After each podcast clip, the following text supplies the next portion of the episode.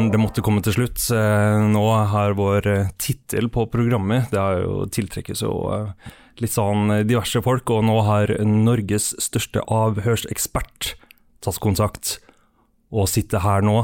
Asbjørn Raklev, velkommen hit. Velkommen hit. Ja. Det var jo bare et tidsspørsmål. Jeg mener Ja. Kommer du for å hente tips?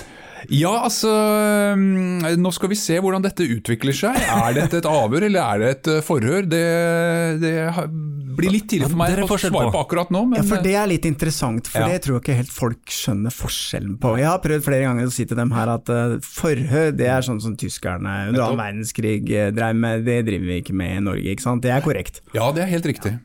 Nei, altså Det er veldig interessant faglig spørsmål, dette med distinksjonen mellom forhør og avhør. Eh, Eldregenerasjonen eh, hender det jo at de omtaler det som forhør, det henger igjen. Men det, begrepet har vi jo, det er, det er ute av Norge, det. Vi bruker ikke det begrepet lenger, og har ikke gjort det på mange mange tiår. Og jeg tror det er, som du sier, at det, det ga noen assosiasjoner til eh, ikke sant? eh, Gestapos forhør på Victoria terrasse. Jeg, jeg har lyst til å dykke ned i den historien, kanskje når jeg blir pensjonist, for å finne ut nøyaktig når, når det ble endret og hvorfor. Men mm. eh, et mye en, eh, veldig, en parallell internasjonalt, det er jo begrepet interrogation. eh, eh, kontra da investigative interviewing. Hvis du ser på politiavhør i et globalt perspektiv, så er distinksjonen mellom interrogation, eh, som amerikanerne holder på med fortsatt, og eh, da investigative interviewing, det er to forskjellige skoler. Og interrogation tilhører den gamle skolen, så jeg mener at forhør, det er interrogation.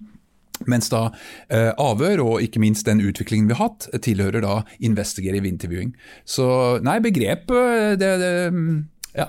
Ja, fordi at avhør, da tenker jeg mer at eh, da er det på mange måter en litt hyggeligere samtale. Hvor man prøver å bringe fram eh, sannheten, uten å true og, og lure folk, kanskje. Ja, det, det er jo det det skal være. Eh, og det, det som Det, det vi eh, i kjølvannet av eh, Karmøy-saken, må vi kunne si, hvis vi skal se på utviklingen av norske politiavhør, eh, og den hva skal vi si, reisen som jeg har vært med på, da, eh, det har jo vært utviklinger forut for det. Det er det ingen tvil om. Altså, Da var det jo forhøret, ikke sant? Altså, vi, hvis vi går flere tiår tilbake. Men, men, men utviklingen av de hva skal vi si, samtidsavhørsteknikkene da, startet eh, på mange måter med, med, med avhørene av eh, fetteren til Birgitte Tengs. Ikke sant? Dere husker saken Birgitte ble drept. Altså, når en ung pike blir drept rett utenfor sitt hjem, så oppstår det et formidabelt press på politiet. Den saken bare må oppklares. Ja, på så lite sted. Ja, ikke sant? Og, og ung pike og, og, og, og så videre. Det kan skje hvem som helst. ikke sant? Altså, Vi er ikke trygge. Så et, et formidabelt press på politiet. Den saken bare må oppklares. Eh, og, og trykket er enormt i media, ikke sant? Og, og, og så videre. Men det var en vanskelig sak. Ingen vitner, ingen, uh, ikke, sant? ikke noe DNA, ikke, ikke noe fingre, ingen umiddelbare spor. Og saken forble jo uoppklart i nesten to år. Og dere kan tenke dere, gutta, å, å, å jobbe med ett prosjekt i to år uten å komme noen vei. Altså Det som skjer da uh, Jeg har jo fått i senere tid anledning til å på en måte trekke meg litt tilbake fra saksansvar da, til å fordype meg i hva skal vi si, uh, ja, litteratur, da, kunnskap, uh, forskningsbasert kunnskap, og i et beslutningspsykologisk perspektiv. Eh, så skjer ikke sant? Altså en, en, en tanken på en løsning, den er så psykologisk attraktiv. ikke sant? Du har jobbet med dette i to år. Så, så man griper den, ikke sant. Altså, du aner en mulig. Og, og, og der lå jo da fetteren. ikke sant? Det var noen tidspunkter og det var noen in, indikasjoner på at han kunne være Men det var jo, jeg tror nok mine kolleger på, på Kripos var vel vitende om at når de gikk til pågripelse eh, De hadde ikke nok til domfellelse. Eh, og så startet jo avhørene av fetteren eh, med det jeg nå kaller gammeldagse avhørsmetoder. Men, men, men, men de er ikke ordentlig gammeldagse avhørsmetoder. Men altså avhørsmetoder som, som jeg tilbake på begynnelsen av 1990-tallet eh, vokste opp i, eller inn i. Eh, og eh, der var det jo da den som var anerkjent som den beste av oss, som fikk ansvaret. Stian Elle. Eh, en kollega som, som jeg, jeg, bare, jeg husker jeg fikk jobbe med Stian. Jeg, jeg ville bli som han. ikke sant? Han, eh, Faren din var sjefen hans, eh, altså Leif Alier var jo sjefen til Stian en periode, og eh, så jo egenskapene Stian hadde. Han var flink med mennesker. Og det var Stian som fikk ansvaret for å avhøre fetteren. Og så startet jo da disse avhørene time etter time, dag etter dag, uke etter uke. På full, ikke som Husk på at denne gutt, unge gutten, fetteren, han, han satt jo på full isolasjon. Altså Det var jo det vi kalte brev- og besøksforbud i gamle dager. Men vi har jo fått klar beskjed fra Europarådet, kall det hva det er, full isolasjon.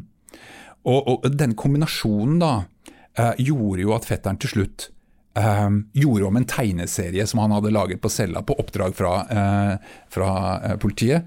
Ja, hvis, hvis uh, drapet Hvis du skulle tenke deg hvordan drapet kunne ha blitt begått, kan du gå på cella og, og, og, og liksom lage en historie om hvordan det kunne ha.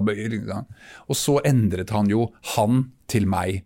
Eh, da, eh? For da han beskrev denne historien 'Han må ha gjort sånn, han må ha gjort sånn'. Og så kom han jo og, sa ok, det men, men han trakk jo tilståelsen eh, veldig raskt. Og um, eh, men politiet og påtalemyndigheten følte at nå hadde vi tilståelsen. Det var nok, mente de, da, detaljer, og de mente at det var nok unike detaljer i den tilståelsen til at uh, vi kunne ta ut tiltale. Og tiltale ble tatt ut. Og husk, Riksadvokaten i Norge tar jo ikke ut tiltale med mindre A. Han er overbevist om at vedkommende er skyldig, og B. De er overbevist om at den skylden den skal de klare å bevise i domstolene. Eh, og ganske riktig, fetteren ble jo dømt i første instans, basert på den tilståelsen. Men saken ble anket til lagmannsretten, og der brakte jo forsvarerne, Klomsæt og, og Sjødin, de brakte jo inn da verdens ledende ekspert på politiavhør, eh, Gisle Gudjonsson fra, fra, London. Gisle er jo egentlig islender, men han har jo forsket ut fra eh, England i, i, i 40 år nå på politiavhør, og han var, og er fortsatt, verdens ledende forsker innenfor avhørsmetodikk og, og, og, falske tilståelser, problematikken knyttet til falske tilståelser spesielt.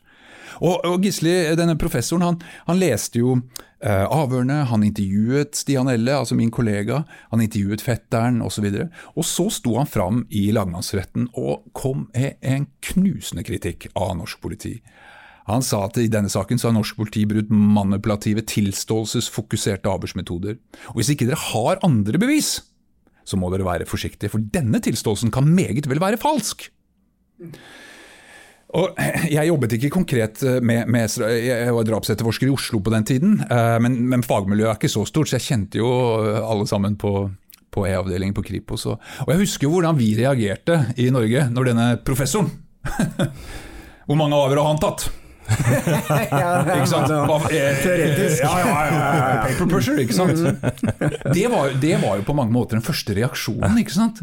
Men noen av oss eh, eh ble nysgjerrig også. og var, Han kom ikke bare med det muntlige vitnemålet, han hadde jo også skrevet en sakkyndig rapport. ikke sant? En sakkyndig erklæring som han leverte til domstolene. Og den fikk vi tak i og, og begynte å lese. Og der så vi uh, og, og at Gisle Gudjonsson refererte altså til vitenskapelige studier, til bøker, til tidsskrifter uh, og undersøkelser om politiavhøret, som vi aldri hadde hørt om. Visste ikke at det eksisterte engang. Til tross for at avhør var, er og for alltid, vil jeg tro, kommer til å forbli vårt viktigste arbeidsredskap som taktiske etterforskere. Så det fantes altså masse kunnskap, iallfall refererte han til det. Uh, og da, da, da, var det slik at, uh, at, jeg hadde anledning, jeg var uh, håper å si, free and single, jeg, kunne gjøre, liksom, jeg hadde ingen forpliktelser annet enn jobben min.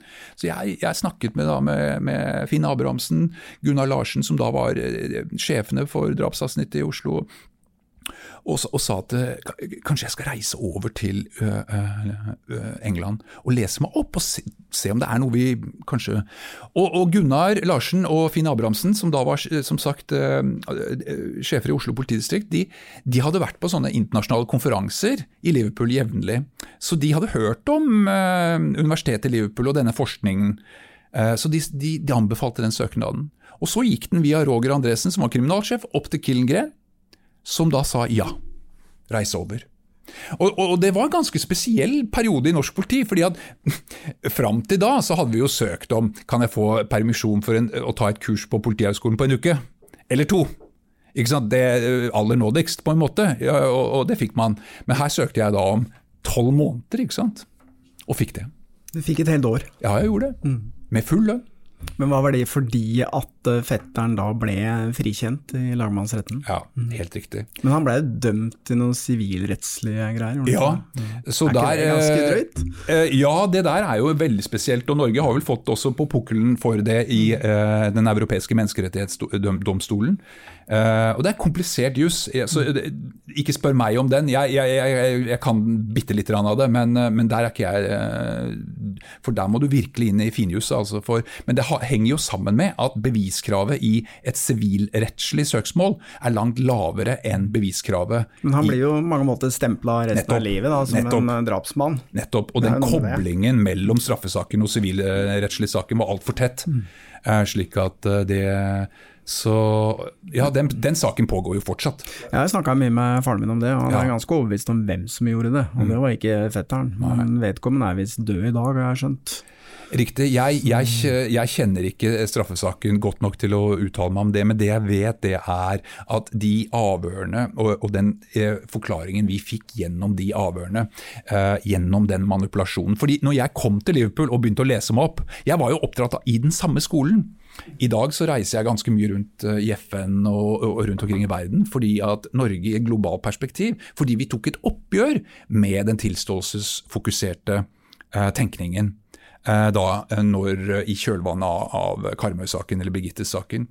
Og Med det så ble Norge det andre landet i verden som endret seg fra da, det som i litteraturen omtales som interrogation, altså der formålet er å få den du mistenker til å tilstå. Så, og Det var en skole som, som jeg nok ble oppdratt i.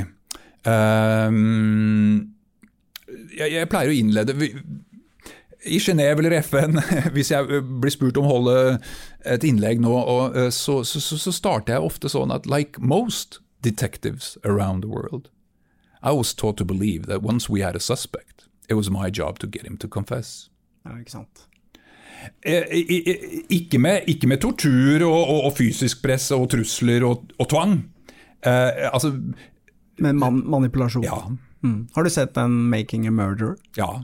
Hva tenker du om uh, avhørsteknikkene der? Ja, altså, jo, men altså, De avhørsteknikkene der de er helt i tråd med de amerikanske standardavhørene. Um, det var to FBI-etterforskere, FBI Inbow Reader Buckley, som helt tilbake på 1958 60-tallet, de skrev altså boken 'Nine Steps to a Confession', altså in Confessions and Interrogations. Og denne såkalte Reed-modellen som, som, kommer ut av den boken, som er ute i sin sjette utgave nå, og big business i USA, der er de manipulative teknikkene er beskrevet over 200 sider, i sin minste detalj. Um, det er klart, ikke sant, tortur da, som 60% av mine kolleger rundt omkring i verden i dag, eh, venner, eh, fortsatt bruker. Det er, eh, det, det er iallfall et røft anslag, som, som, som hva skal vi si, troverdige FN-kilder antar. At 60 av, av, av landene i verden i dag så er det elementer av, eller systematisk tortur fortsatt. Men, men så har vi jo land som Eh, som har utviklet seg vekk. Eh, og, og, og, når jeg ble politi, så var det jo aldri snakk om det. Altså faren din, eh, Hvis du snakker med faren din, Leif Alier, så tror jeg nok han, når han var ung, vil kunne fortelle deg historier som handla om det har jeg hørt. Ikke sant? andre ting enn manipulasjon. Ja.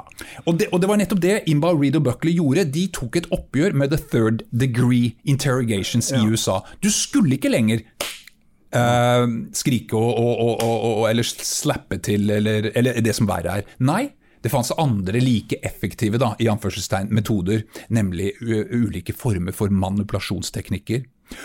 Men selv om tortur selvfølgelig er et grunnleggende brudd på alle menneskerettigheter og uskyldspresumpsjon og alt mulig, uh, så, så, er det klart at manipulasjon det, det, er egentlig ikke noe annet enn et psykologisk substitutt. Fordi tenk tankesettet til etterforskeren er det samme.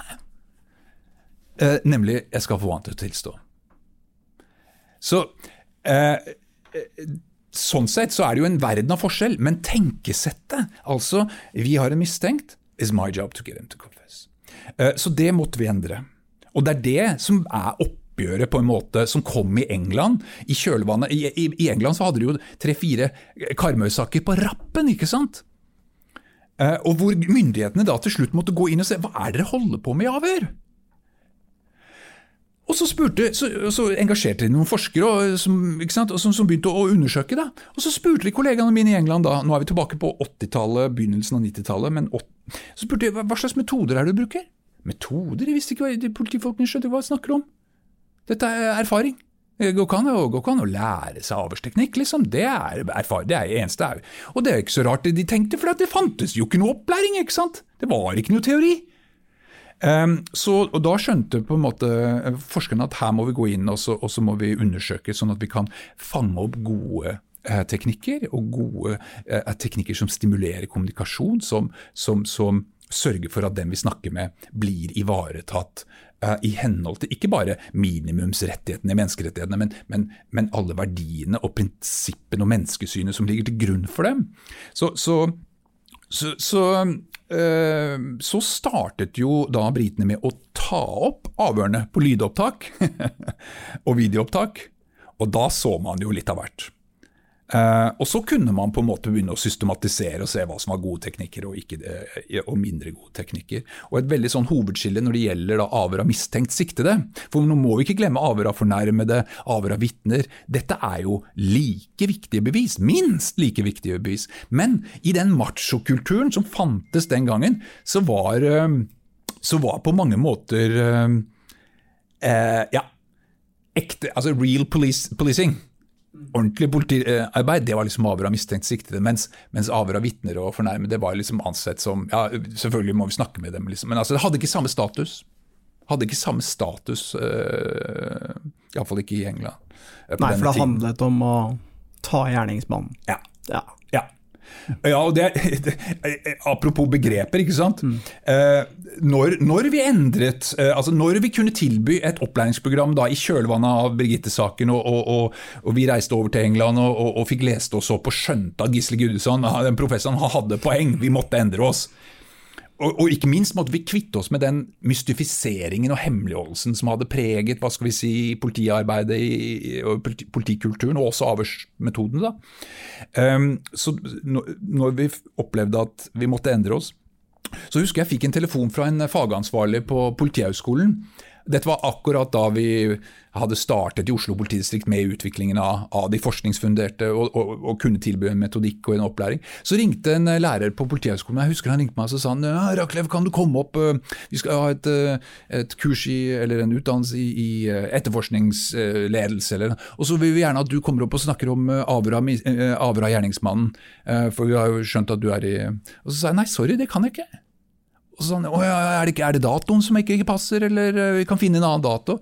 Nei, sa jeg, men jeg kan ikke ta det oppdraget du nettopp uh, ga meg. Jeg, jeg, jeg, skjønner ikke uh, ja, avhør av gjerningsmann. Det er ikke noe som heter det. Nei, det er slutt på det. Ja, det, det, det, det, Egentlig så har det egentlig aldri vært. Hvis du ser i loven, så står du mistenkt. Ja, ja. Eller siktet. Ja, du er ikke dømt. Nei, du er ikke dømt. Nei. Og det er det som er skillet, på mange måter. At de nye, hva skal vi si er, altså, At, at uskyldspresumpsjonen får en større plass. Altså at uskyldspresumpsjonen operasjonaliseres da, på en annen måte. Nemlig hvor, hvor vi tvinger etterforskerne våre nå i dag til uh, ikke bare tenke alternativt, men vi tvinger dem til å sette ned og skrive ned de alternative uh, uh, hypotesene som, som, er aktuelle, som må testes.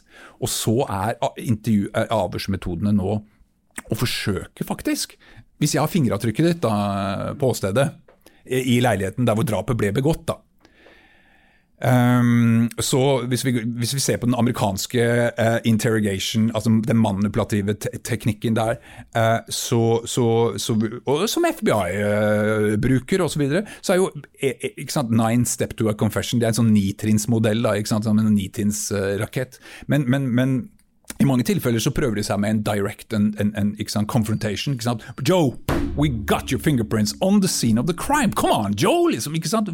For å prøve å sjokke. Ikke sant? FBI knows that you are the one who. Ikke sant? Ikke si 'jeg mistenker'. Nei, nei, FBI knows. Ikke sant? Også for å prøve å sjokke Joe da, til å komme med en kjapp uh, tilståelse.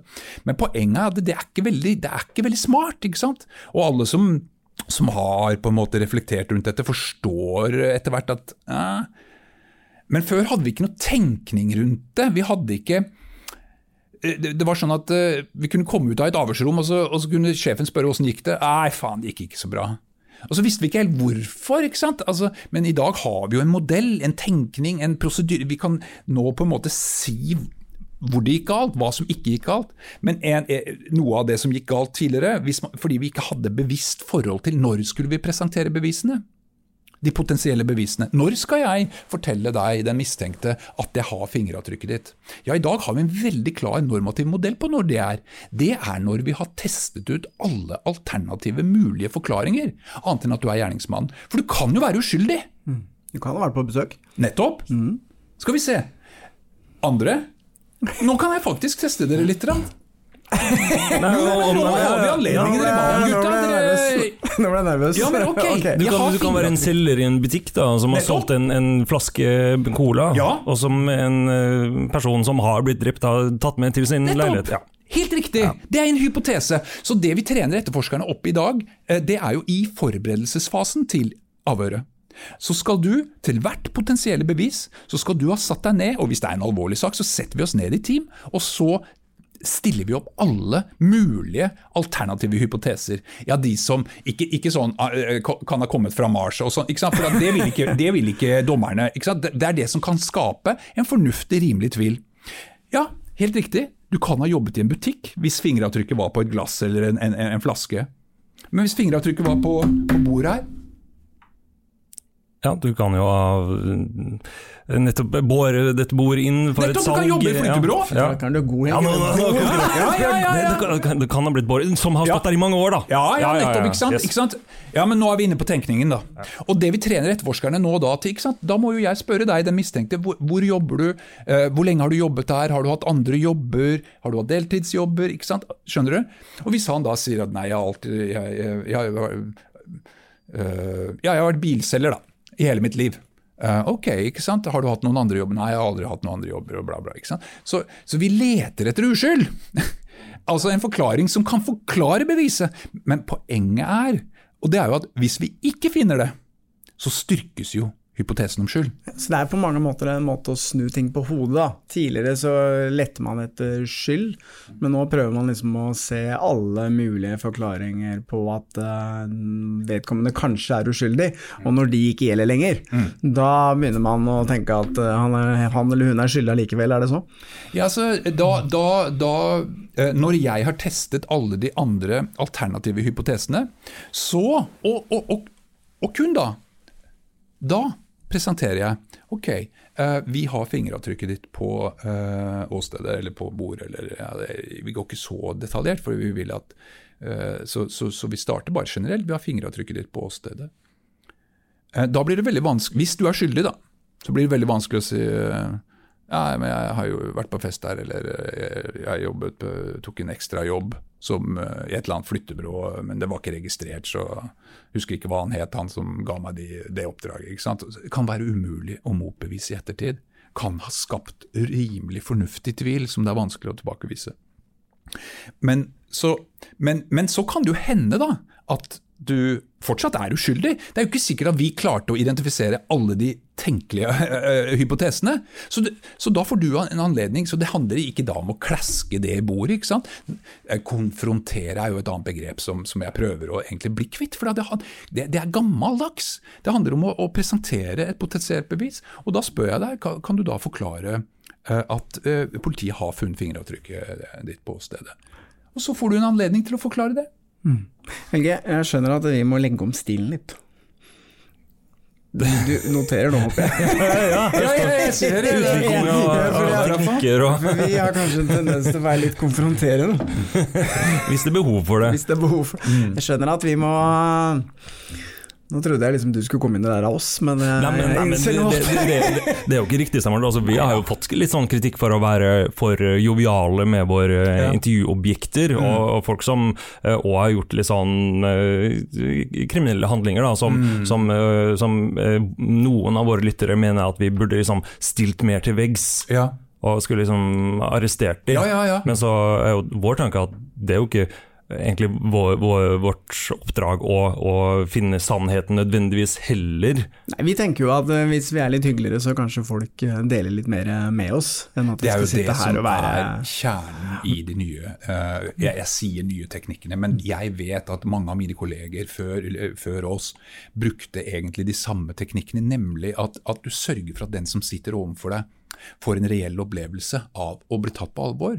At mine grunnleggende menneskerettigheter, f.eks. i politiet, blir tatt på alvor. Eh, det gir mer informasjon. Så, og, og de, de, metodene eh, de var Stian Elle og, og, og helt sikkert faren din. Eh, jeg merket meg jo at Leif Alier identifiserte jo Stian som en, en, en god av. Han når jeg skulle gå i lære i kirkebranngruppa og, og, og, og, sånne ting, så fikk jeg beskjed om at ja, Sett deg inn i et avhør der Stian eh, ikke sant? Det, det, Faren din har forstått det. og det, så, så, så, mange av de elementene der ble også brukt. Og det var de som egentlig ga tilståelsene. Ja. Det var ikke altså, som regel eh, fordi at vedkommende da følte at her blir jeg respektert, her blir jeg ikke fordømt. Mm.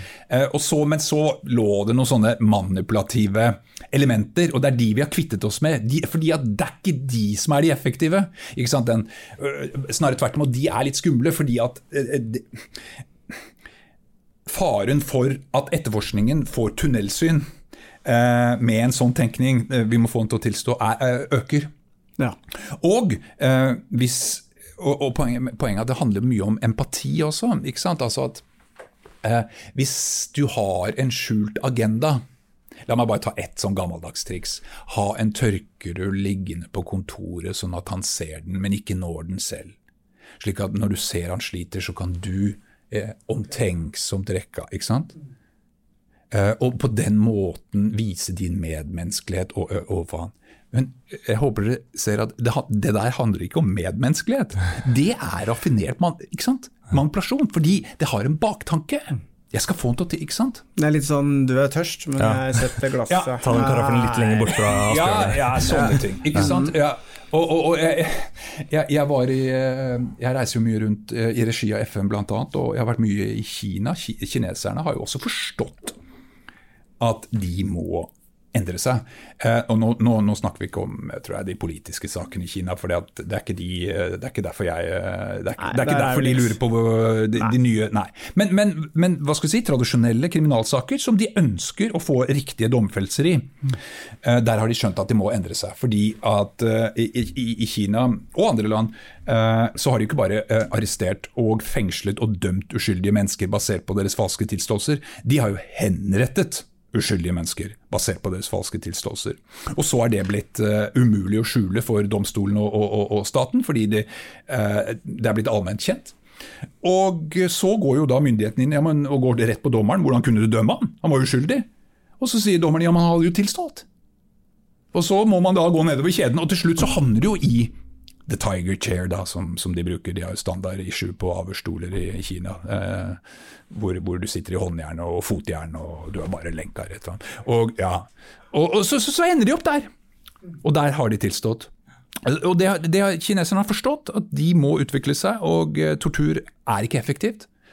Eh, snarere tvert imot.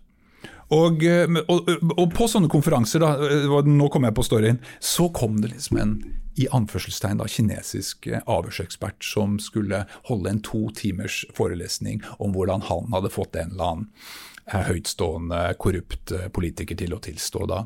Og Det var på tredje natta, da, ikke sant, så hadde tilståelsen kommet. da. Og Han ble da ringt opp av avhørsteamet. Selv skulle han sove litt mellom slagene, da.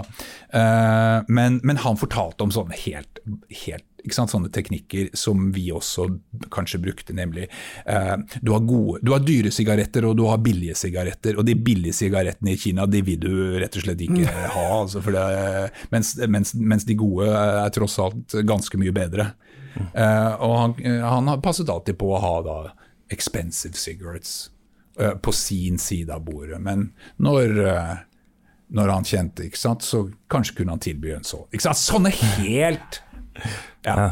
Men hvis det brenner på dass, klokka tikker ned for bomba blåser snart eh, eh, slottet ned, og sant? det er Jack Bauer, Mm. og han hadde jo en, en stil som var jo effektiv i Har du sett serien? Oh, ja. 24? Ja, det har jeg sett litt. Grann. Altså, vi- vi- Hvis du liksom er i en sånn, eh, sånn situasjon, da. du har én time, og den bomba sprenger, og så setter du da rolig ned. Og, det er ikke så veldig mange politifolk rundt omkring i verden som har opplevd en sånn situasjon. Nei, men hvis Eh, og de, som på en måte snakker om eh, Eller de som tar tortur til forsvar, da.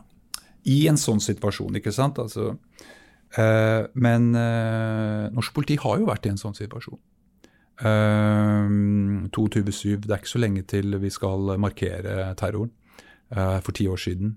Um, altså, ikke sant? Uh, terroristen ble jo pågrepet eh, med uh, geværene i hånden, og, det var ikke noe særlig tvil om at, uh, at han var iallfall en av de som uh, sto bak dette. Men, og, og mange vil kanskje tenke at dette var en enkel sak for oss å etterforske. Um, men, da, men de kjenner ikke saken. Ti minutter, første, ti minutter ut i det første eh, avhøret av Breivik, så gikk han rett i strupen på oss, eller på nasjonen, eh, og forsøkte å utnytte den situasjonen han hadde skapt. Han sa at det dere har sett her i dag, det er bare fyrverkeri i forhold til hva som kommer. Celle to og tre aktiverer når som helst. Det var utgangspunktet vårt. Eh, og på det tidspunktet i tiden så var vi tvunget til å ta ham på største alvor. Dette var åpenbart forberedt i årevis. Så vi ble stilt overfor et tikkende bombescenario. Ja, For han trua med at uh, dette var bare starten. Ja, kom til å to tre. smelle flere steder. Celle 2 og 3 aktiverer når som helst. Altså hans eh, medsammensvorne ridder i Knights Templar, da, som han Men hvordan det. håndterte dere det, da? Det må ha vært helt grusomt. Ja, det var eh, Det var eh, Det var et enormt press på, på politiet. Eh, og ikke minst så ble på mange måter de nye Jeg, jeg, jeg sier betegnelsen nye avhørsmetoder, men altså de, de forskningsfunderte avhørsmetodene da, som vi endret til uh, rundt uh, år 2000, eh, de, de, de ble satt på prøve. Dette var ti år etterpå, heldigvis. slik at vi, vi, hadde jo, vi hadde jo ti års erfaring med å bruke da eh, ikke tilståelsesfokuserte eh, avhørsmetoder på drapsavsnittet i Oslo. Eh, så, så, så, så de forskningsfunderte teknikkene satt jo i, i ryggmargen på de etterforskerne som hadde jobbet der de seneste ti årene. da. Uh, en av etterforskerne, Nina Holmansen, hun, som, som, som, fikk, uh, som hadde de første avhørene av Breivik inne på politihuset, Eh, hun, hun har jo vitnet i, i eh, FN-bygningen i New York og, og fortalt om hvordan vi håndterte det. Jeg har gjort det flere ganger. Eh, men, men, men hun fortalte da, for hun satt jo i avhøret. Selv fungerte jeg bare som en faglig rådgiver. Eh, vi har jo nå videoteknologi som vi kan overføre avhørene tilbake til hvor, hvor et større team kan sitte. Eh, mens Nina satt jo der eh, face to face eh, med han og eh, med det presset. Og til syvende og sist så var det jo hennes ansvar å på en måte få han i tale, da. Og, og, eh, og det hun sier da, i, og vitner om i, i FN, at, det å ha da en metodikk, eh, en fremgangsmåte, en metodisk tilnærming til oppgaven, det, var, eh, altså det er når presset er som størst, at det er som viktigst. Eh, litt som en hopper i OL. Altså, hva, hva, hva, gjør du når eh, 100 000 brøler og presset, du vet at nå skal det avgjøres? Og de, de svarer jo akkurat det samme. Du må bare fokusere på det de kaller arbeidsoppgavene, altså eh, med, med, metoden du skal bruke.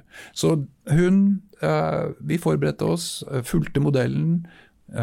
Fysiske forberedelser, saksrelaterte forberedelser, mentale forberedelser. Så kommer kontaktetableringen. Hvordan skal vi etablere kontakt? Hvilken måten vi presenterer vedkommendes menneskerettigheter på, og så gi han en anledning til å fortelle sin det vi kaller fri forklaring, som er den første informasjonsinnsamlende delen av et profesjonelt intervju. Og så kommer jo da neste fase, sonderende fase. Ja, hva slags spørsmål skal vi stille? Hva slags spørsmål skal vi ikke stille? I hvilken rekkefølge skal vi stille dem? ikke sant? Nå hadde vi hatt anledning til å, å dykke ned i dette, og fag som vitnepsykologi, kommunikasjonsteori, beslutningspsykologi osv. Så, videre. så Nina kunne følge metodikken. Og det, det, det man var ute etter å avsløre, var om det var noen andre celler der ute som var klar for å, for å Ja, det var å, ja absolutt. Ja. Så, så, men, men det utelukka hun kjapt, eller? Nei, ikke, jeg vil ikke si altså, Jeg vil ikke si kjapt, fordi um, Vel, det var noen kolleger som ganske raskt var kjappe framme på triggeren og sa at han uh, he's alone, altså han er ensom ulv, og det er ikke, ikke sant. Ok.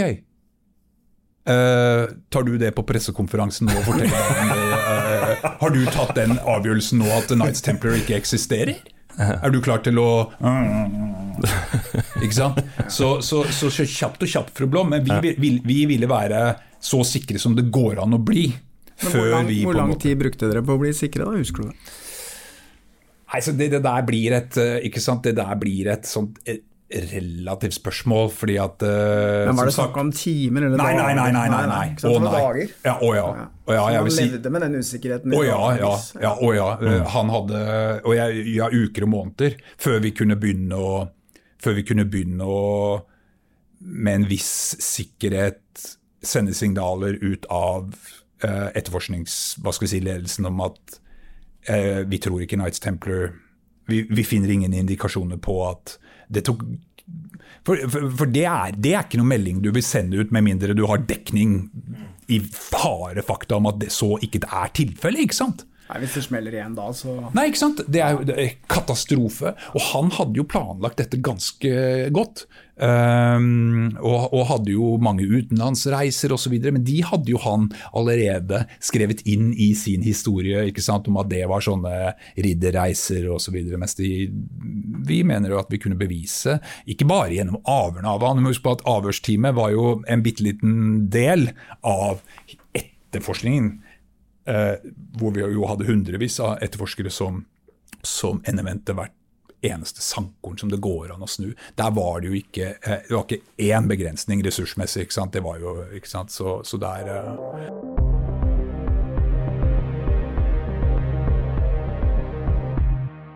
Nei, så, men, men heldigvis, tilbake til utgangspunktet ditt. Og det er jo dette som er så essensielt, og som du faktisk var, også var inne på, nemlig det at vi visste vi visste av erfaring gjennom drapssaker at de forskningsfunderte avhørsmetodene der vi gjør det mistenkte kjent med rettighetene med en gang, ikke snakker uformelt og manipulerer det vekk osv.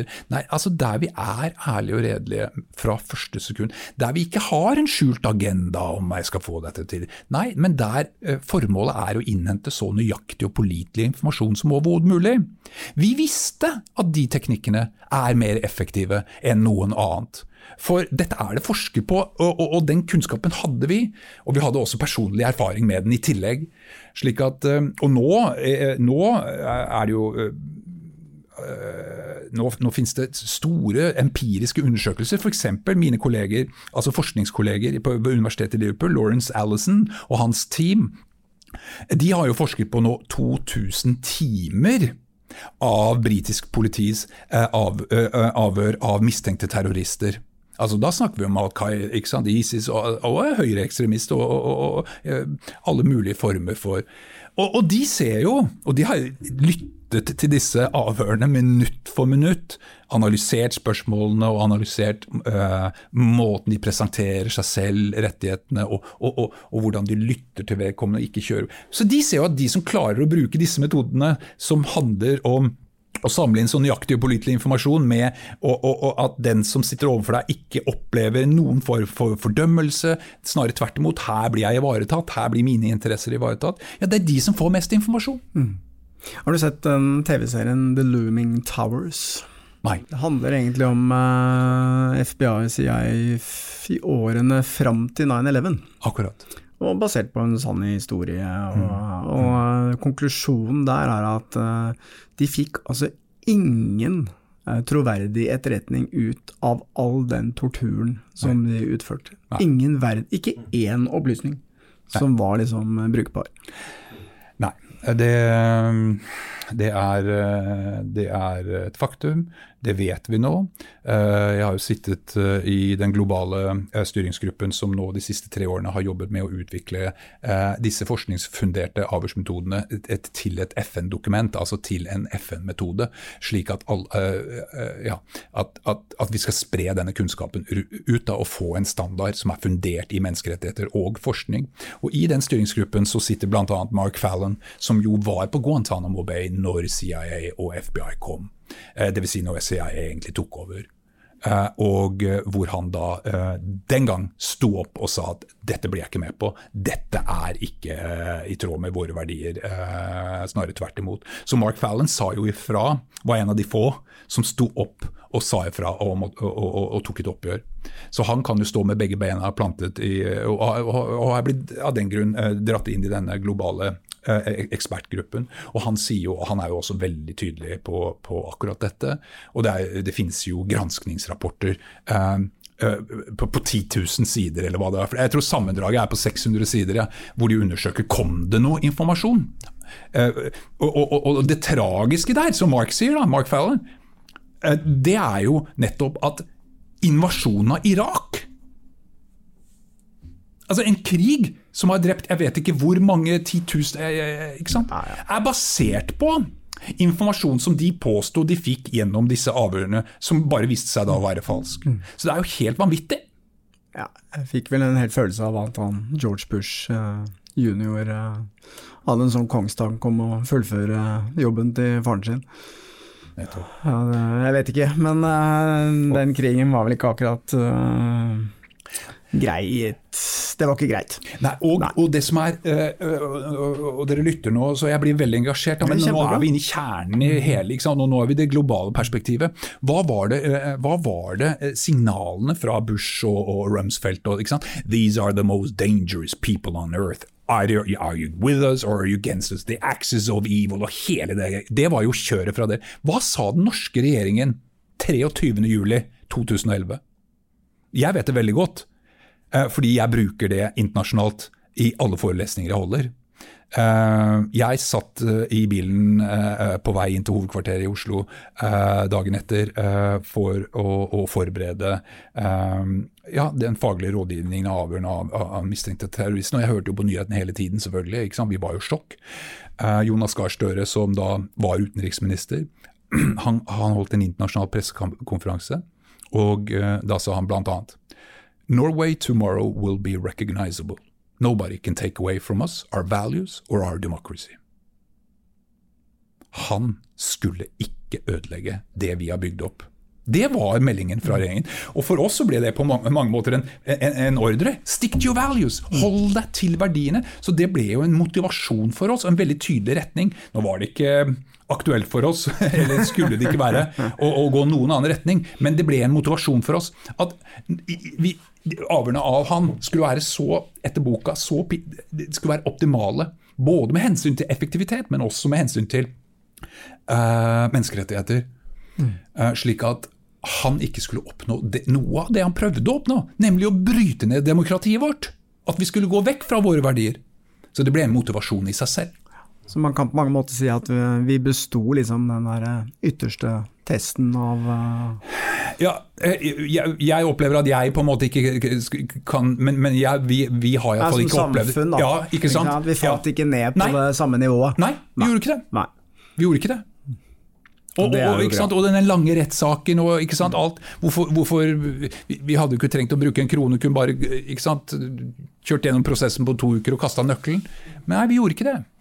Og det er mange andre grunner enn hva skal vi si, de verdimessige, demokratiske verdiene. Nemlig om at alle, uansett hva du er mistenkt for, har de samme grunnleggende rettigheter. Det er vi jo enige om! Selv om det i sånne situasjoner kan ikke sant? Men det, det er jo én ting. Så var det sikkerhetsaspektet. Vi måtte få så mye informasjon som overhodet mulig, og den informasjonen måtte være pålitelig. Eh, men også rettssaken måtte jo forberedes. ikke sant? Det skulle være en rettssak, så der kommer det rettslige. Igjen, vi trenger nøyaktig og pålitelig informasjon. Men en annen sterk motivasjon for oss eh, i, i eh, når vi avhørte han og, og, og etterforsket 22.7, det var at ganske raskt etter terroren så inviterte vi Scotland Yard over til for, for de hadde jo hatt tilsvarende traumer i, i, i, i London. Eh, så etterforskerne derfra kom over og holdt eh, brifinger, sånn at vi kunne ta del i deres erfaringer. Og eh, jeg hadde, fikk kontakt med en av kollegene som Og, tilfeldigvis så, så, hadde vi avhør av Breivik den dagen. De var der, og jeg tok uh, min kollega, britiske kollega da bak, på, så han kunne følge det live. Han kunne jo ikke forstå hva som ble sagt, for det var på norsk, men jeg forklarte hvilke metoder vi bruker, og det er samme som de, ikke sant, de forskningsfunderte, og, og han bare sa at her kan ikke jeg lære dere noen ting. Men det var én ting han sa til meg, eh, eller til oss, og det var det at hvis jeg skulle etterforske eh, terroren i London igjen med, bussen og, og T-banen og det forferdelige der, det var at eh, hvis jeg kunne forsøke å samle inn så mye informasjon som overhodet mulig, også de smertefulle detaljene som overhodet mulig, for de etterlatte. For de har behov for svar. Og, og, så, så han, han, ville hatt enda mer fokus på det. Så det ble også veldig viktig for oss at jo mer vi fikk eh, den mistenkte terroristen eh, til å fortelle og prate om, jo mer svar kunne vi gi til de etterlatte. Så det ble også en veldig sterk motivasjon for oss etter hvert. Ja, det skjønner jeg. Mm. Men det jeg ønsker å spørre deg om litt om, er dette her med falske minner. For det mm. har jo vært litt sånn oppi at man ikke kan stole på vitner, egentlig. Mm. Fordi at uh, hjernen er jo ikke noe sånn uh, videokamera. Nei. Um, kan man i det hele tatt stole på et vitne? Eh, ja da, eh, absolutt. Men, eh, men eh, vitneutsagnet må, må, analyseres. Og, og, og, det som er så interessant rent avhørsmetodisk, da, det er jo at forskning viser jo med, med, med tydelighet at hvis du avhører vedkommende med eh, forskningsfunderte avhørsmetoder, eh, som jeg kom, kan komme litt tilbake til. For det, det, vi nå beveger oss inn i, er vitnepsykologien. Og det er utrolig spennende fag, fagfelt. Som etter hvert er blitt et, et, et, et forskningsfelt rundt, på masse institusjoner i verden. Og det er blitt et ganske stort forskningsfelt. Og Det faget starter på mange måter, iallfall i sin moderne form. da. Vi har vitnepsykologiske si, tekster tilbake på 1800-tallet, men, men, de er ikke fundert i empirisk forskning. Eh, forskningen eh, starter på mange måter med Elisabeth Lofthus og hennes kollegers eh, grunnleggende studie tilbake i 1994, uh, unnskyld, 1974. Hvor Elisabeth Lofthus og hennes medarbeidere jo videofilmet en kollisjon mellom to biler. Uh, og Så viste de denne videofilmen til en rekke forsøkspersoner, og uh, intervjuet de da etterpå og stilte et veldig enkelt spørsmål til å begynne med. Hvor fort kjørte den røde bilen da den eh, bumpet borti den blå? Og De brukte bevisst da begrepet 'bumpet borti' eller 'contacted'. Som ikke er veldig sånn. Og de svarte sånn 30, 35, 40, for det var ikke noe sånn alvorlig smell, dette her. men Det var en tydelig kollisjon, men det var ikke noe sånn Og så Eh, så de fikk en gjennomsnittshastighet. Og Så viste de nøyaktig den samme videoen til en ny gruppe mennesker med samme bakgrunn, og alt, alt var helt likt. Og De intervjuet dem på akkurat samme måte etterpå, men forandret på ett ord. Hvor fort kjørte den røde bilen da den Smadret. Nettopp. Og hva skjedde? Jo, hastigheten steg signifikant. Og da forsto jo Elisabeth Lofthus og hennes medarbeidere hvor stor påvirkningskraft intervjueren har på påliteligheten av den informasjonen vi samler inn. Og Hennes studier er jo håper jeg, gjentatt i, i, i, mange ulike varianter eh, i hundrevis av studier senere. Så betydningen av faget vitnepsykologi, som jo handler om, i utgangspunktet om menneskets hukommelse, om hvordan den påvirkes, er jo essensiell informasjon for eh, redaksjonen her. da. Uh, som hvis program heter Avhør. ja. så, så, så, dere må lese dere opp på vitnepsykologien. Altså, og det skjønte vi jo veldig raskt. At der fantes det masse kunnskap. Uh, men som er en relativt ny uh, forskningsdisiplin. da. Den tok jo ikke fart før, ikke sant. 90-tallet. 80-90-tallet, egentlig. Um, så, ja. Jeg hadde jo ikke regna med Helga, at da vi lagde den podkasten at vi må begynne med videreutdannelse. ja! Nei, det er litt nedtur. Ja, en. Altså, I et avhørsrom så er jo det å skulle presentere en troverdig historie som henger på greip, det er jo én ting. Men så har du det her eh, fysiske. Hos den du har et avhør av, kan du se hvis noen lyver? Der pleier jeg å bruke en, eh, en, en sånn historie som, som, som, som er ganske ekte. Jeg, jeg, den er nok litt eh, dramatisert fra min side. Men den har absolutt et, et fundament i rot i virkeligheten, da. Ja, for vi pleier å si 'aldri la fakta ødelegge en god historie'. Nei, riktig. Ja, men da passer denne historien veldig godt. Og, og, og, og ikke sant? Jeg, ung og lovende, eller iallfall ung, var jeg. eh, Og jeg ville, jeg ville inn på Kripos, jeg ville bli drapsetterforsker. Jeg, det, sånn var det bare. Altså, jeg jobba hardt på Politihøgskolen eh, for å få de beste karakterene, fordi at jeg hadde ett mål for øye, jeg skulle inn på Kripos. Det var liksom, eh, det forsto jeg veldig raskt ute i aspirantåret mitt når jeg fikk eh, mitt eget kontor. Og, og, og da bare skjønte jeg at det er etterforsker jeg skal bli. Uh, og så, og så uh, Men på den tiden så måtte man ut uh, i gata, og det er kjempespennende det også, men, men jeg, ville, jeg, ville, ha mitt eget kontor, jeg ville ha mine egne saker. Jeg ville bruke på en måte det, Jeg ville bli etterforsker.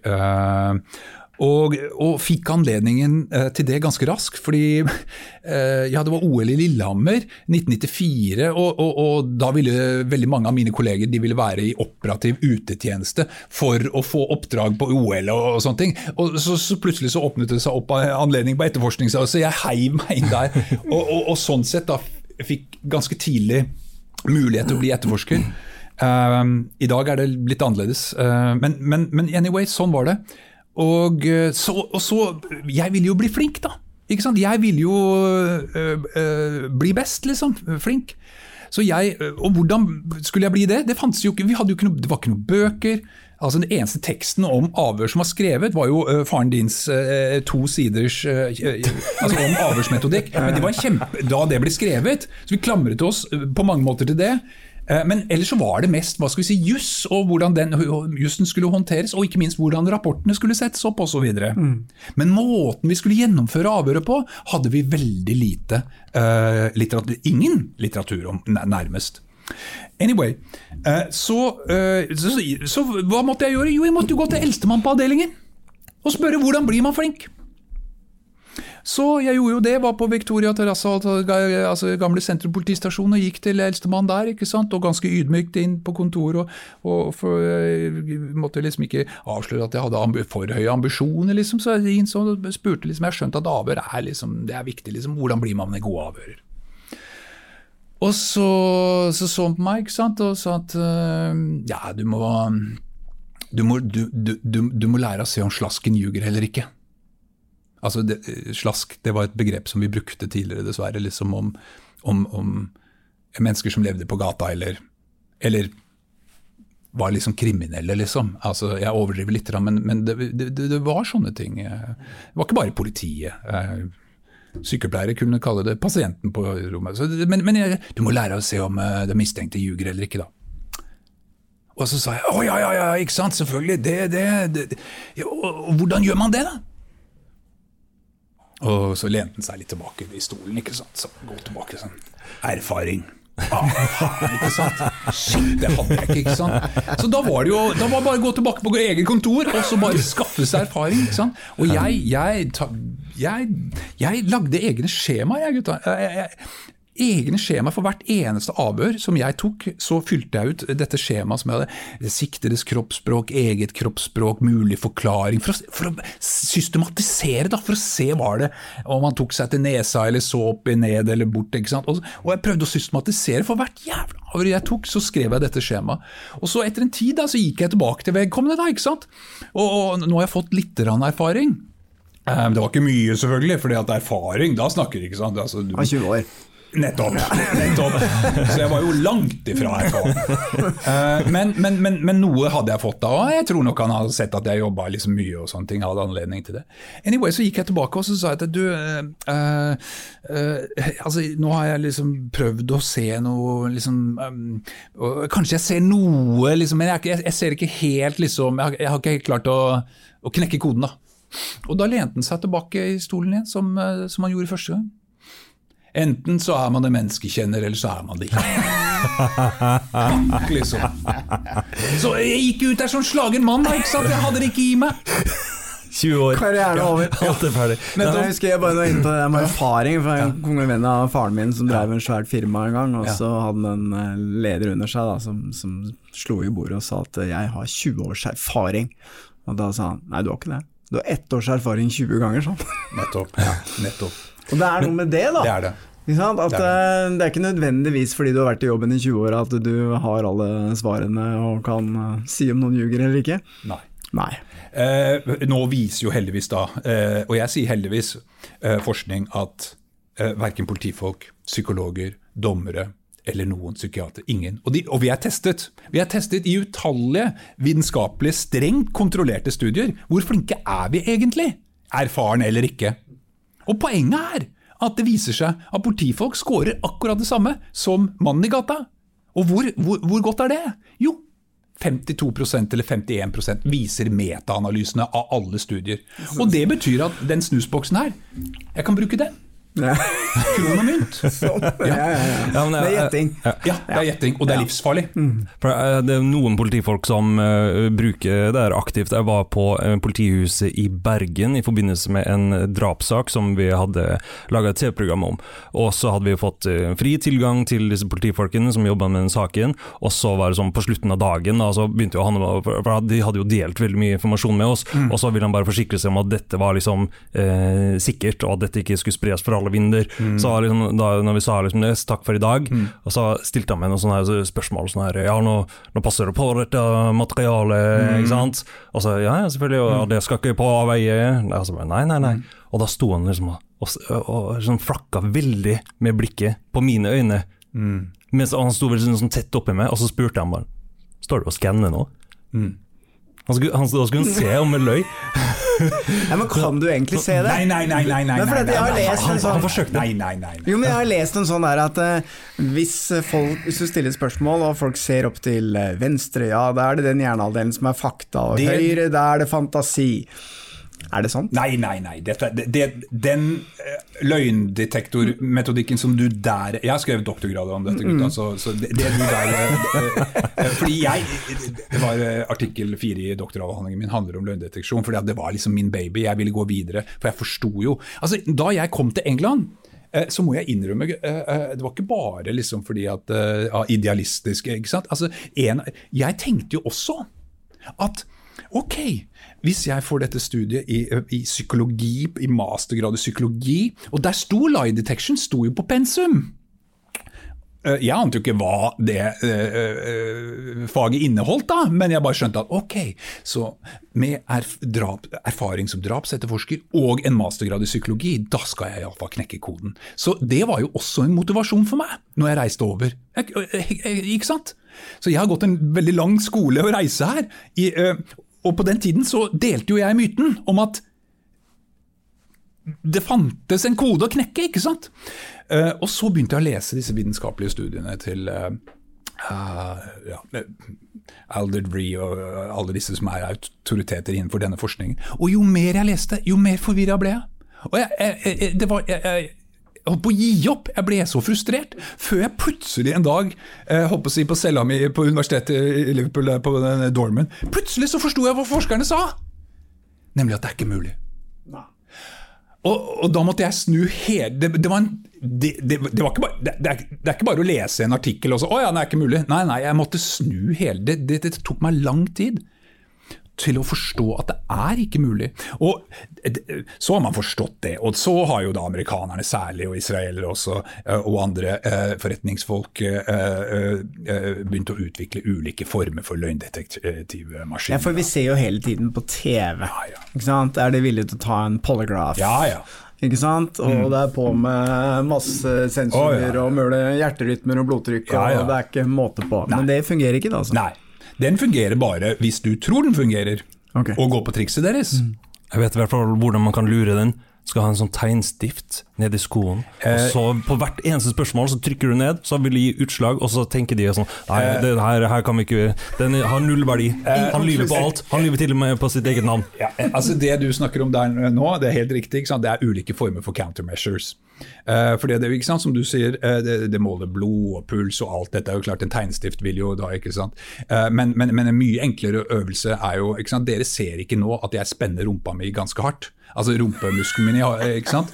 Og da strømmer det jo blod det er jo, ikke sant? Eller lårmusklene, det bare strømmer blod igjen. Det fins masse. Jeg skal fortelle deg eh, en litt sånn hemmelighet eh, mellom oss her. eh, eh, Jeg, jeg Ok, har vi skal vært- ikke si det bort. Nei, nei, nei, ikke fortell det videre. Og ikke oversette til kinesisk heller. For jeg har vært, jeg har vært Eh, jeg har vært ganske mye i, eller en del i Beijing, på verdens største politihøgskole. Eh, eh, hvor de har masterstudier i etterforskning. Og, og?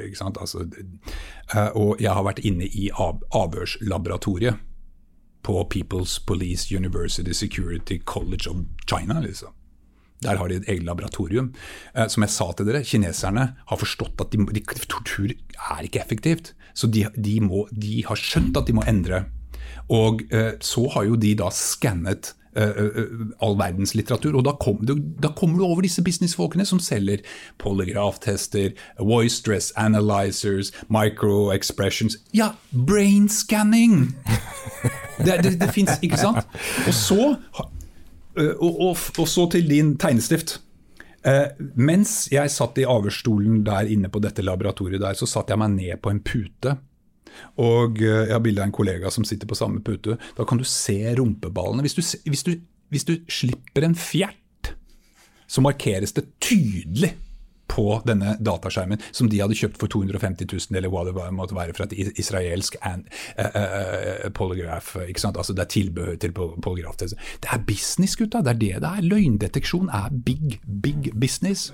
Det fins ingen maskiner som overhodet med noen grad av pålitelighet kan skille løgn fra sannhet. Heldigvis, sier jeg i min doktoravhandling. Fordi jeg begynte å også nærme meg problematikken fra et hva skal jeg si, filosofisk ståsted. Sett at forskerne For det forskes masse på dette! Å knekke koden og finne en eller annen sikker maskin. Hvis, mot all formodning, og jeg har ingen tro på det, for heldigvis, mennesket er for komplekst til at man kan trenge inn hjernen vår. Men, men, men, men de driver med brain scanning og ser hvilke del av hjernen som aktiveres osv. Men, men, men, men, men med tanke på løgn, så finner de ingen mønstre. Men hvis forskerne skulle nå sitt mål, med en maskin som med 100% pålitelighet kunne skille sannhet fra løgn. Ønsker vi egentlig en sånn maskin Nei, i samfunnet vårt? Det, det ønsker vi ikke, altså. Det ville vært en skikkelig sånn uh, dystopisk uh, fremtidsscenario, uh, syns jeg. Ikke sant? Tenk deg forholdet mellom hustru og ektemann. Ja. du kommer hjem fra julebord, og så lukter det litt parfyme for du har dansa. ikke sant? Og så, og så, og så sier eh, ja, I og med at det bare er menn her, da, så så sier kona da, ikke sant det, altså, Ikke det at jeg tror du har vært men, men det har sneket seg inn en liten usikkerhet, jeg blir ikke kvitt tanken. Eh, eh, jeg har bestilt time nede i Storgata mandag klokken ti. Jeg betaler! Hva skal du si, da? Hvem, hvem skulle stille til valg? Det, det, er litt sånn som med det her eventuelle DNA-registeret. Nettopp. Ja. Helt riktig.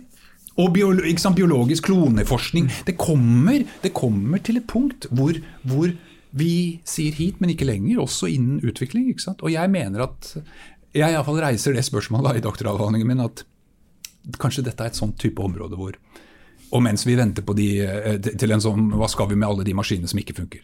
Det er, det, det er, faktisk farlig, gutta, fordi at uh, politifolk tror det fungerer og later som du. Men det de først og fremst brukes til, disse løgndetektivmaskinene, det er for å fremtvinge uh, uh, tilståelser. Ikke sant? Fordi at de setter deg opp, tester deg, og så Oi, der! Ikke sant? Akkurat på det avgjørende spørsmålet. Og hvis du tror at maskinen funker Shit, liksom, jeg er avslørt. Og du er skyldig. Og så sier de at ja, her var det utslag og du tror at maskinen fungerer, så kan den ha en effekt, nemlig they get confessions. Ja, og hva med, hva med da Problemet Man kan jo plante falske minner, ikke sant. Ja. Og det kan man jo gjøre hos mennesker som er uh, mistenkt òg. Ja. Altså Gjennom uh, kanskje lange, mange lange avhør, så kan man rett og slett få folk til å tro at de har uh, gjort det. Det stemmer jo, ikke sant? Jo, i ytterste konsekvens. Og da vil jo en sånn maskin si at du er skyldig, da. Fordi at du tror det selv? Ja. Mm. Så ikke sant? Mm. Uh, og eller, I ytterste konsekvens. Og, og, og, da snakker vi For å endre minnet til en mistenkt, liksom, til å begynne å tro Eh, altså Det er noe som kalles da memory distrust syndrome. Det er ikke noe som skjer gjennom et spørsmål eh, bumpet de borti, eller mm. Det er mer subtile vitnepsykologer. Men, men, men, altså, vi er jo ikke langt unna Konnovs gate, gutter. Og Konnovs gate 4 eh, var jo utgangspunktet på mange måter for doktoravhandlingen min. Drapet på Marius eh, Kolstad, som ble drept eh, rett her borte eh, i nabolaget her. Hvor jo Stein Inge Johannessen ble pågrepet av Oslo politidistrikt, uh, mistenkt for drapet. Han satt jo seks måneder på full isolasjon. Uh, det var ikke han, altså. He heldigvis uh, meldte den egentlige drapsmannen seg fire dager før rettssaken mot Stein Inge skulle starte. Uh, så Den saken danner på mange måter utgangspunktet for doktoravhandlingen min. Hva er det som går galt når det går galt? For jeg kjente jo etterforskerne på den saken! De er jo flotte mennesker! Gode kolleger! Ingen noen vilje i det hele tatt, men allikevel så holdt vi en uskyldig mann innesperret på full isolasjon i seks måneder. Så det, det er utgangspunktet for doktoravhandlingen min. Justisfeil. Hva går galt når det går galt? Og ikke minst, hva kan vi gjøre for å forebygge at det skjer igjen? Anyway, Stein Inge forteller jo at uh, han ca. tre måneder ut i varetektsperioden begynte å drømme at han var drapsmannen. Og begynte å få mareritt om at det var Han ringte jo advokaten sin, Øystein Storvik, og si Øystein, nå skal jeg tilstå. Kom og hent meg, nå drar vi til, til Grønlandsleiret. Jeg skal tilstå. Og heldigvis da Øystein skjønte hvor, hvor alvorlig dette var, Eh, så han reiste eh, ned på kretsfengselet hvor, hvor, hvor eh, Stein Inge satt. Og, men, men, men, har du gjort liksom for, for, Øystein trodde egentlig at han var uskyldig. Og, og, og heldigvis så klarte da Øystein Storvik, forsvareren til Stein Inge, å, å snakke ham fra det. For han begynte å tvile på sitt eget minne. Han levde jo også som som tom, eh, tung rusmisbruker, Stein Inge. Og, og, og, eh, og, så, ikke sant? Og dette var jo de teknikkene som ble brukt også. Eh, eh heldigvis så blir Stein Inge avhørt med hva skal vi si, eh, forskningsfunderte eh, avhørsmetoder ble tatt opp på video. Han ble ikke manipulert under avhørene, som f.eks. fetteren. Fetteren til Birgitte Tengs fikk jo beskjed om av oss, av politiet, av etterforskeren, via psykologer som skulle være hjelpe oss osv., om at han har fortrengt det. Du har bare fortrengt drapet. Det er helt naturlig at ikke du husker at du drepte Marius Kolstad eller Birgitte. Det er helt naturlig fordi du har fortrengt det. Sånn fungerer minnet osv. Men det kommer, bare tenk deg om osv. Så, så, ikke sant? Men, men det, det, er ikke noe man fortrenger. Men, men, men, men, Stein Inge begynte å tvile på sitt eget minne. Uh, så ja. Men det skal mye til. på en, ikke sant? har du drept noen eller ikke? Det er, det er, ikke noe du endrer minnet ditt gjennom ett ledende spørsmål. Det er mer subtile Men det er noe som skjer over tid, ja. når du blir sittende på isolasjon, og til slutt så begynner hodet ditt å tulle med deg. Og så får du beskjed om at politiet vet. Ikke sant? Vi har bevis. Mm. Uh, og, uh, en av de tingene som må endres i USA ikke sant? Amerikansk politi har, har altså lov til å lyve under avhør. De har lov å presentere bevis som ikke eksisterer. Det er fra en høyesterettsdom tilbake i 1968 eller hva det er for noe, og som de fortsatt klamrer seg til, og som denne manipulative metoden bygger på. Uh, og det er livsfarlig. Det er rett og slett livsfarlig i sånne situasjoner, uh, hvor du får da hele tiden bare beskjed om at vi har bevis. Men det er jo uh, kanskje litt fordi at de har en sånn type forrett forretningssystem i, eh, i, eh, Ja, men de har jo det, dette ja. her plea bargain-systemet deres. Altså, hvis du tilstår, så slipper du unna med to år, men uh, hvis vi skal kjøre på med rettssak her, så får du 20 år, og så tenker folk at uh, ok, det er kanskje bedre å ta de to åra, da, selv om jeg ikke har gjort det. Nettopp. jeg så et eller annet som at 96% av sakene eller sånt nå var liksom plea bargain, og gikk riktig. ikke til en rettssak. Det er jo helt forferdelig. Det er helt vanvittig. Ja. Det kalles det er utpressing. Det er helt vanlig. Ja. Uh, the Snitch System, artikkel 3 i doktoravhandlingen min, handler om nettopp det. og Det er bruk av uh, såkalte informanter, uh, hvor amerikanerne har tatt det i kombinasjon, helt riktig som du sier, i kombinasjon med plead bargain-systemet og det enorme strafferettssystemet uh, med de ekstreme straffene. Så kjører de på, akkurat som du beskriver, vil du ha to år eller vil du ha 20 år? It's up to you, man. Now. Men det de da gjør, og det er det som er en jævlig kjip bieffekt av dette, det er jo at Eh, jeg gir deg dette tilbudet, kan du gi meg noe? Ok, du ble tatt med 10 gram eller 20 gram, og dette er tredje gangen uh, osv. You're out. 20 år, du ser ikke barna dine mer. Med mindre du kan gi oss noe. Sladre på noen andre. Nettopp. Ja. Og det som da skjer, og er skjedd, og skjer fortsatt, det er jo at det er den fattige klasse som reproduseres. Altså stort sett afroamerikanske menn, eller veldig overvekt av afroamerikanske menn, som er født i fattigdom, og som lever i fattigdom. Og, fordi Når de får det tilbudet, hvem skal de, hvem, hvem skal de snitche på? Hvem skal de fortelle om? De vet ikke hva som skjer på Aker Brygge. De vet hva som skjer in the hood. Og slik reproduseres den fattige klasse. Husk på, i USA altså Norge har uh, nå sånn cirka, sist jeg sjekket, sånn, ja, rundt 60-65 mennesker per 100 000 innbyggere i fengsel til enhver tid. 60 per 100 000. England har kanskje 120-130 rundt der. Tyskland det samme. Går man litt lenger sørover kan det kan være opp i 200-250. Altså innbyggere per 100 000 i fengsel til enhver tid. USA 800. Det er jo helt ekstremt. Helt vanvittig. Hvis du ser på grafene, så, så kommer det en sånn søyle som går gjennom taket. Det er USA. Um, så vil noen hevde at det finnes andre regimer i verden som har sånne fangeleirer og, liksom, og, og, og så videre. Men, men altså, uh, USA skiller seg ekstremt ut. Og hvis du analyserer den fengselspopulasjonen, altså hvem er det som sitter i fengsel?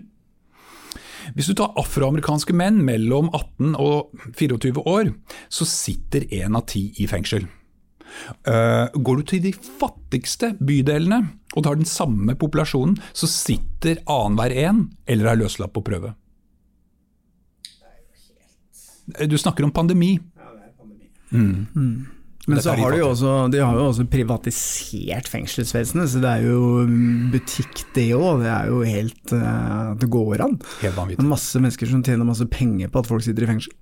Absolutt, det er big business. Ja, det må jo også være en sånn medvirkende faktor til at uh, vi må ha flere, må ha flere inne, for det er mye penger å hente. De tyner det i alle bauger og kanter for at mennesker skal tjene penger. Bare det å ta en telefon ut fra fengselet koster en formue. Fordi at uh, det er noen som eier uh, telefonselskapene osv. Det er helt vanvittig. Det er helt vanvittig. Obama prøvde jo og jeg vet at Biden gikk til valg på å prøve å reversere den ekstreme fokuset som USA har på crime control. Da. I litteraturen så holder man liksom opp to verdier. Du har crime control på den ene siden, og så due process, altså rettferdige rettsprosesser på den andre. Da. Og så gjelder det for samfunnet å finne den rette balansen mellom dette. Da.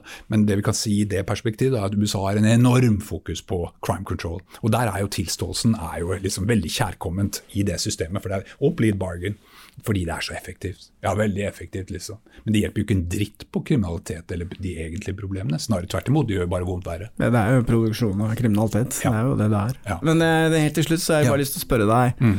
Uh, er det mange justismord i Norge?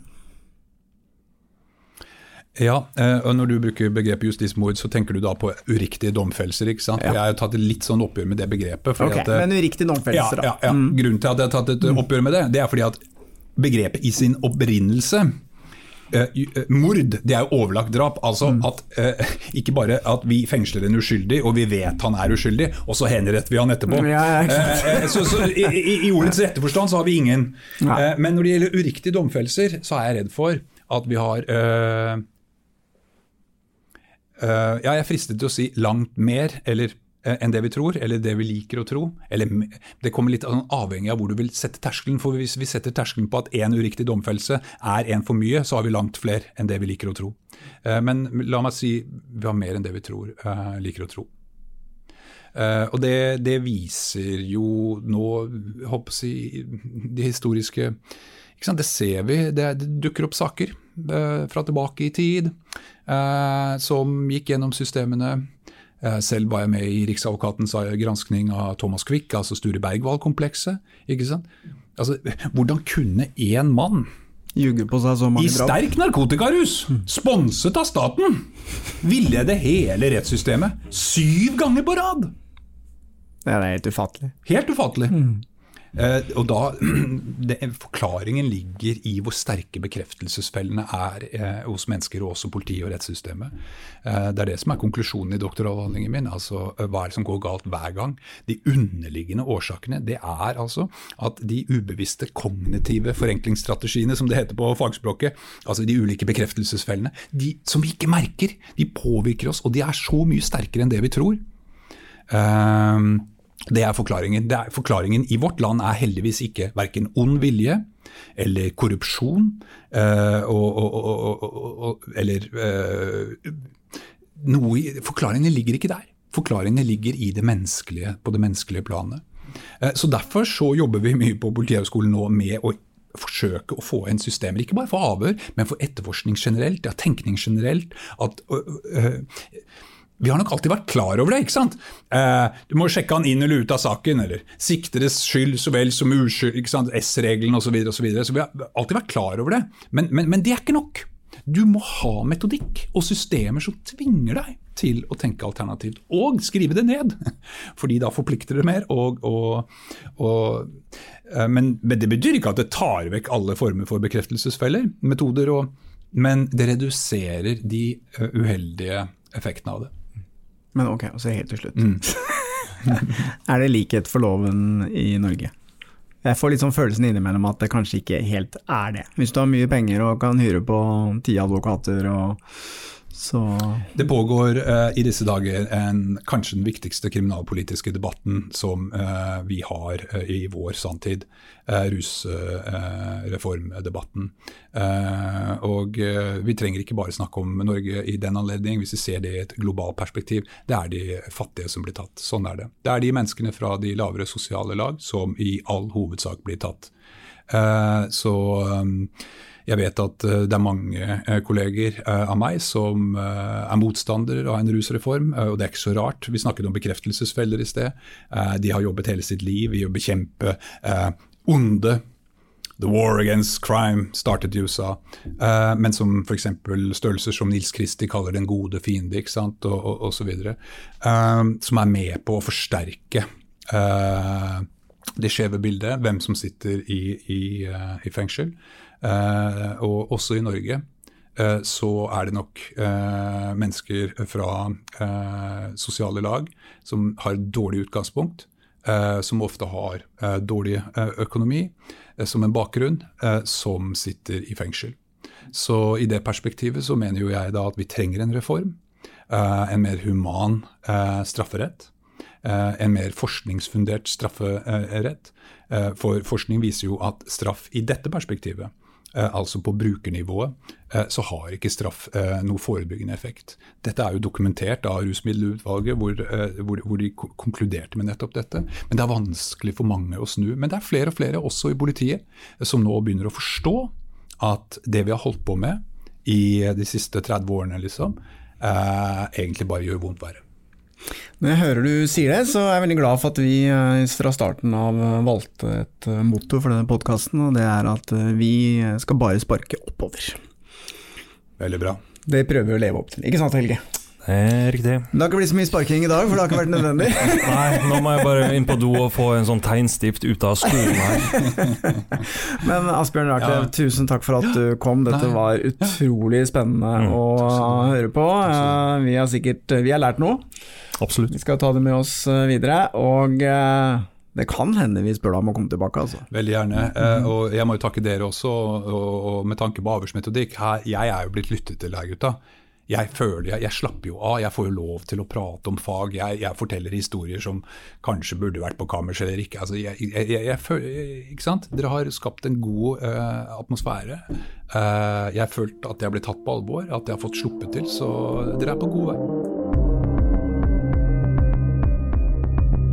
Avhørt er produsert av Batong Media, og all musikk er laget av Georg Roaas. For å komme i kontakt med oss, gå inn på Facebook-siden Batong Media.